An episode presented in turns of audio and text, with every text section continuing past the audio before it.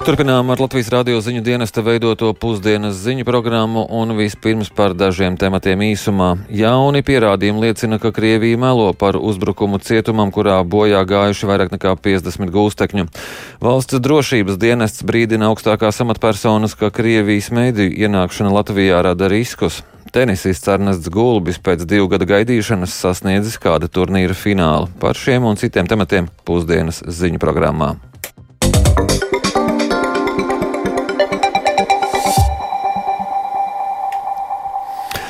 Aizvadītā nakts Ukrainā pagājusi ar kārtējiem Krievijas triecieniem dažādiem objektiem. ASV Domnīcas kara pētījuma institūts analītiķi pauduši, ka Krievija varētu vēlēties iegūt pēc iespējas vairāk pozīciju Donetskas apgabalā pirms septembrī paredzētajiem pseido referendumiem. Tikmēr jauni pierādījumi apliecina, ka Krievija melo par šonadēļ notikušo uzbrukumu Oļeņivkas cietumam, kurā bojā gājuši vairāk nekā 50 kara gūstekņi. Saistībā ar notikuso, notikušo sašutumu raisīs Krievijas vēstniecības tvīts, kurā tā uzsvērusi, ka Azov pulka karavīri ir pelnījuši nāvi tos pakarot. Plašāk stāsta Rihards Plūme. Aizvadītajā naktī Krievijas triecieniem atkal tika pakļauti vairāki civilie mērķi, un kārtējo reizi apšaudē tika pakļauta arī Mikolaiva. Naktī pilsētā bija dzirdami vairāki spēcīgi sprādzieni, un zināms, ka bojā gājis vismaz viens cilvēks, bet vairāki ievainoti. Ukrainas armijas ģenerālštāps vēsta, ka pēdējās dienas laikā nogalināti vēl 160 iebrucēji. Tikmēr ASV Domnīcas kara pētījumu institūts analītiķi pauduši, ka Krievija varētu vēlēties iegūt pēc iespējas vairāk pozīciju Donetskas apgabalā pirms septembrī arī paredzētajiem pseido referendumiem. Turpinoties karadarbībai Donetskas apgabalā, valdība lēmusi par obligātu evakuāciju no Donetskas apgabala.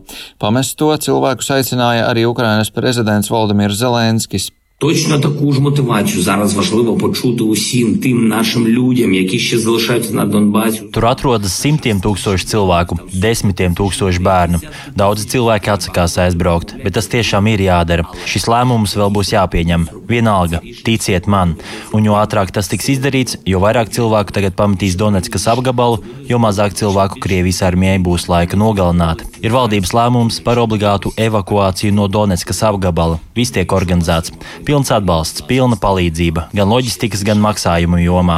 Mums ir vajadzīgs tikai pašu cilvēku lēmums, kuri to vēl nav pieņēmuši paši. Dodieties, mēs palīdzēsim! Jīti, Savukārt ziņas par uzbrukumu šorīt pienākušas no Sevastopolis. Tur bezpilota lidaparāta uzbrukumā Krievijas flotei Krimas ostā ievainoti pieci cilvēki. Krievijas puse apgalvo, ka tas bijis pašgatavots drons, Ukrainas puse vainu uzbrukumā noliegusi. Tikmēr jauni pierādījumi apliecina, ka Krievija melo par šonadēļ notikušo uzbrukumu Oliņivkas cietumam, kurā bojā gājuši vairāk nekā 50 kara gūstekņi. Krievija uzbrukumā turpina vainot Ukrainu un norāda, ka cietumam trāpīs ar raķešu artilērijas sistēmu Himars.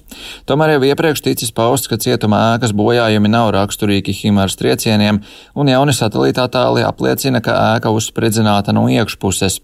ANO sestdien paziņoja par gatavību nodrošināt ekspertus uzbrukuma izmeklēšanai, savukārt Krievijas aizsardzības ministrija aicinājusi ANO un sarkano krustu apmeklēt uzbrukuma vietu. Azov pulks norādījis, ka uzbrukums Oliņivkai ir publiska nāves soda izpilde, ko Krievija pastrādājusi pilnīgi nesodīti. Par šo aktu atbildīgie tiks atrasti, lai kur viņi būtu, un Ukraina kā valsts nodrošinās, lai viņi tiktu sodīti taisnīgi, paziņojuši azovieši. Turpina Ukrainas prezidents. Українці, українки, за цю добу наша держава отримала багато сигналів. Mūsu valsts saņēmusi daudz signālus no dažādām valstīm, kas nosoda Krievijas terora aktu Oleņivkā. Pasauli redz patiesību. Tik savākti visi pierādījumi par šo okupantu pastrādāto noziegumu. Visi ir vainīgi. Tas, kurš apstiprināja, tas, kurš organizēja, tas, kurš šos cilvēkus uzspridzināja, kas par to zināja. Viņi visi tiks atrasti, bet tomēr ar to tagad nepietiek. Šai masu slepkavībai nepietiek ar nosodījumu politiskās retorikas līmenī Līmenī. Риторики за це масове вбивство. Krievijas vēstniecība Lielbritānijā sestdien Twitterī publicēja ierakstu, kurā norādīja, ka Azov pulka karavīri ir pelnījuši nāves sodu, bet ne nošaujot, bet gan pakarot. Tie nesot īsti karavīri un esot pelnījuši pazemojošu nāvi. Tvīts izsaucis sašutumu, izskanot aicinājumiem Britu valdībai slēgt vēstniecību valstī un izraidīt Krievijas diplomātus. Ukrainas amatpersonas sestdien nosodīja vēstniecības pausto, norādot, ka diplomāti ir tieši tikpat vainīgi kara noziegumos kā tie, kuri tos pastrādā. Rihards Plūme, Latvijas radio. Vizītē uz Āziju devusies Amerikas Noto valstu pārstāvju palātas spīkere Nancija Pelosi. Paredzams, ka viņa apmeklēs četras valstis, tomēr joprojām nav skaidrs, vai vizītes programmā iekļauts arī Taivānas apmeklējums. Pelosi vizīte izsaukusi asu Ķīnas reakciju, kas brīdinājusi par stingriem atbildes pasākumiem, ja Pelosi apmeklēs Taivānu. Ķīnas prezidents Ķīdziņpiņs ceturtdien jau brīdināja savu ASV kolēģi Džo Baidenu, ka Vašingtonai ir jāievēr jāievēro vienas Ķīnas princips, un tie, kas spēlējas ar uguni, no tā ies bojā. Turpina Rihards Plūme. Sagaidāms, ka pārstāvju palātas spīkeres Nensijas Pelosī vadītā kongresa delegācija vizītes laikā apmeklēs Singapūru, Malaiziju, Dienvidkoreju un Japānu. Pelosī biroja paziņojumā presē Taivāna netiek pieminēta. Tiek norādīts, ka brauciena fokusā būs savstarpējā drošība, ekonomiskā partnerība un demokrātiskā pārvaldība reģionā. Pelosī norādījusi, ka delegācija rīkos augsta līmeņa sanāksmes, lai apspriestu, kā puses var turpināt virzīt kopīgās intereses un vērtības, tostarp mieru mieru un drošību, ekonomisko izaugsmu, tirzniecību un citus jautājumus.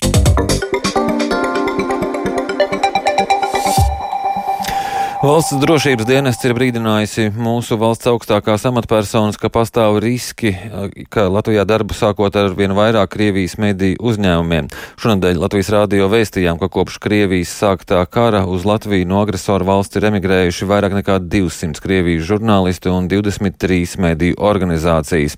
Daļa no tām arī oficiāli sākušas darbu no Rīgas, lai turpinātu informēt Krievijas sabiedrību arī par notiekošo karu Ukrainā, ko darīt Krievijā vairs nav nav iespējams tur pieņemto likumu dēļ. Tikmēr valsts drošības dienests rakstiskā skaidrojumā Latvijas radio norāda, ka vērtē informatīvajā telpā notiekošo kontekstā ar pašreizējo ģeopolitisko situāciju un Krievijas agresīvo karu Ukrainā. Valsts drošības dienests pastāvīgi vērtē riskus, kas izriet no Krievijas mērķiecīgiem un sistemātiskiem centieniem ietekmēt informatīvo telpu un mediju darbību. Valsts drošības dienests ir informēts par Krievijas neatkarīgo mediju uzsākto darbu Latvijā. Varam arī norādīt, ka šajā sakarā dienests ir identificējis riskus gan Latvijas informatīvās telpas drošībai, gan izlūkošanas riskus, kas saistīti ar to, ka mediju darbība tradicionāli bijusi Krievijas spēcdienestu interešu lokā. Par šo visu drošības dienests ir informējis valsts augstākās amatpersonas. Administratīvajā tiesā iesniegta prasība par valsts līguma atcelšanu ar uzņēmumu Nordeka, kas paredzētajā laikā nav uzsācis pasažieru pārvadājumus Cēsu, Limbažu un Siguldas reģionos.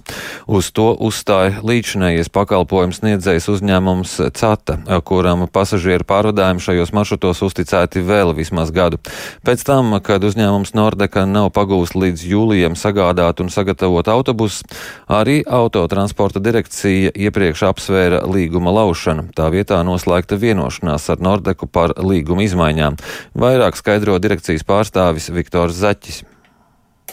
Nu, jāatzīmē, ka Nordek par to ir ļoti saulēcīgi informējusi, ka gan Covid-19 infekcijas sakarā, gan arī šīs ģeopolitiskās situācijas sakarā ir aizkavējušos šo te autobusu būvniecību. Tie autobusi ir pasūtīti, mēs esam par to pārliecinājušies arī grāmatvedīski, jā. Ir veiktas priekšapmaksas, šis process viss notiekās, bet diemžēl šo te ārējo apstākļu rezultātā nav notikuši šo autobusu piegāde Nordekai noteiktajos termiņos. Nu, mēs šobrīd neredzam, teiksim, tādu pamatotu iemeslu laust līgumu un tā, jo principā faktiski tas sagatavošanās process var būt arī garāks. Tas nav nekāds pārkāpums šajā gadījumā. Viņi jau vēl nesāk līgumu. Vienkārši tas sagatavošanās periods, kas sākumā bija noteikts uz gadu, tagad viņš ir pagarināts vēl par gadu. Lielu neapmierinātību vietnē Twitter izsauca garas rindas tehniskās apskates stacijās, kur autovadītāji esot spiesti gaidīt pat vairākas stundas. Ceļu satiksmes drošības direkcijā skaidro, ka valstī kopumā trūkst līdz 10% darbinieku, turklāt esošie inspektori slimo. Vislielākās problēmas ir Rīgā, tāpēc tehniskās apskates stacija galvaspilsētā sāk strādāt agrāk, klientus apkalpojot jau no pulksten 7.15. Direkcijas pārstāve Ilze Šipkevica atzīmē, ka situācija jau uzlabojas. Šobrīd uh, ir grūti atrast uh, speciālistus darba tirgu ar atbilstošām kompetencēm, un cilvēki atrod arī citus darbus, un uh, tas tā noteikti ir problēma. Un pieaugušā saslimstība ar Covid-19 vīrusu, kas ir vērojama visā Latvijā. Pirmkārt, jau klientu skaits ietekmē šo rindu, otrs, vai cilvēks ir veicis šo apmaksu e-pakalpojumos vai nē, tad tas nozīmē, vai viņam ir jāgatavo jāgaida rindā uz kasi un pēc tam vēl rindā uz tehniskās apskates veikšanu. Ja šī apmaksa ir jau veikta CSDD pakalpojumos, tad šī rinda uz kasi atkrīt un cilvēks jau ietaupa laiku un jau viņam ir īsāks gaidīšanas laiks uz tehniskās apskates veikšanu. Mazāk klientu ir piekdienās un svētdienās, kā arī agrajās rīta stundās. Satiksmes ministrijā norāda, ka neatkarīgi no garām rindām CSDD pakalpojums sniedz, tāpēc grūtības ar darba spēku iestādē jārisina pašai.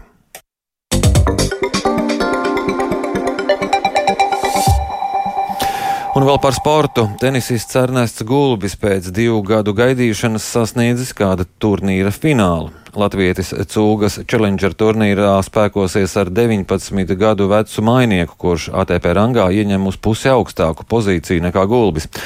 Pār to visu gatavs pastāstīt Lotārs Zariņš. Sveiks, Lotār! Jā, sveiks, Laura, un sveiki, klausītāji! Jā, nu Gulbim šajā sezonā nesakmējas. Viņš eh, nebija spējīgs izcīnīt trīs uzvaras pēc kārtas. Tagad Latvijas ir iekrājis sešu uzvaru sēriju, un spēle būs nozīmīga arī Gulbi pārliecībai. Iepriekšējo reizi finālā viņš spēlēja pirms diviem gadiem, un um, Cūgas Challenger tenisa turnīra pusfinālā ar 6-4 un 6-1 Gulbis pārspēja Bulgārijas pārstāvu Dimitru Kuzmanovu, un finālā Gulbis tiksies ar šveicieti Dominiku Štrīkeru, kurš ATP rangā ierindojas 172. vietā, tikmēr Latvijas ieņem 365. pozīciju. Kas svarīgi, panākums Cūgā Gulbim visticamāk ļautu iekļūt augusta beigās gaidāmā US Open kvalifikācijā, un uzvara Latvijam ATP rangā ļaus pakāpties par 136 vietām uz 229. pozīciju. Spēles sākums šodien 4. pēcpusdienā. Kas vēl šodien sportā? Jā, nu, klubi Eiropā futbola klubi sadalījuši vietējo turnīru kausus. Anglijas superkausa izcīņā futbolā panākumu izcīnīja Anglijas kausa īpašniece un Premjerlīgas vicečempiona Liverpoola. Vienlīdz stadionā Liverpools vienība ar 3-1 pārspēja Manchester City. Ar vārtiem un rezultīvu piespēli uzvarētājiem izcēlās Mohameds Salāks. Tikmēr Minhenes Bayern vakara astoņu vārtu mačā izcīnīja Vācijas superkausu. Eiru bez Roberta Levandovska sākot ar titulu. Bayern ar 5-3 pārspēja Leipzig vienību. Arī Nīderlandē noskaidrot superkausa uzvarētājs Enhovens PSV izbraukumā ar 5-3 sakau valsts titulētāko klubu Amsterdams Ajax. Trīs vārdus uzvarētāji rindās iesita gūst Tils. Savukārt Portugālē 23. reizi virs savām galvām superkausa cēla Porto vienība, kas pārliecinoši ar 3-0 apspēlēja valsts otrās divīzijas vienību Tondela. Latvijas futbola virslīgā otro uzvaru pēc kārtas vakar izcīnīja Salaspils Supernovu, kas izbraukumā ar 3-2 pieveic tiešo konkrētu Jūrmālas Spartaku. Līdz mača 30. minūtē katra komanda bija gūs divus vārtus, un otrajā puslaikā Spartaks veids vairākas nomaiņas, bet uzvaras vārtus go viesi no Salaspils, precīzi bija Kristers Aters. Citā spēlē čempioni RFS izbraukumā ar 2-0 pārspēja Tukums vienību, abus vārtus rīznieki guva spēles izskaņā, un rezultīvu sitienu padevās Denisam Rakalam un Tomislavam Šāričam. Pēc spēles komentāru TV4 sniedza Tukuma galvenais treneris Kristaps Dišlers pirmais puslaiks nu, 0-0, nu, ko arī centāmies otrajā puslaikā maksimāli ilgi noturēt, jo zinājām, ka viņi veiks daudz maiņas. Spēle vēl asāk paliksies, un tie centrējumi un viss būs, teiksim, tā tie uzbrukumi būs vēl ātrāki un asāki. Mēs maksimāli ilgi centāmies. Nu, prieks laikam ir par to, ka varbūt tas mēs tieši no standarta nevienu neielaidām, vai arī otrais gols tur pēc standarta situācijas bija tāds. Par rezultātu esmu bēdīgs jau kā vienmēr, kad zaudējām, un ka RFSam nevienu golu vēl neesam trīs spēlēs iestuši. Jā, un šodien futbola virslīgā paredzēta viena spēle. Rīgā met uzņems Liepājas komandas spēles sākums pusē septiņos vakarā. Paldies Lotāram Zariņam! Pusdienas ziņu programma izskan raidījuma producents Edgars Kupčs, ierakstus montēja Jūls Grīnbergs, pie skaņa pults bija Rīta Karnača, studijā Lauris Zvejnieks un vēl tikai par svarīgāko īsumā jauni pierādījumi liecina, ka Krievija melo par uzbrukumu cietumam, kurā bojā gājuši vairāk nekā 50 gūstekņu. Valsts drošības dienests brīdina augstākās amatpersonas, ka Krievijas mediju ienākšana Latvijā rada riskus.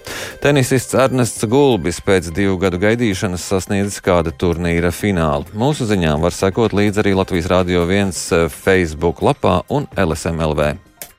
Yeah.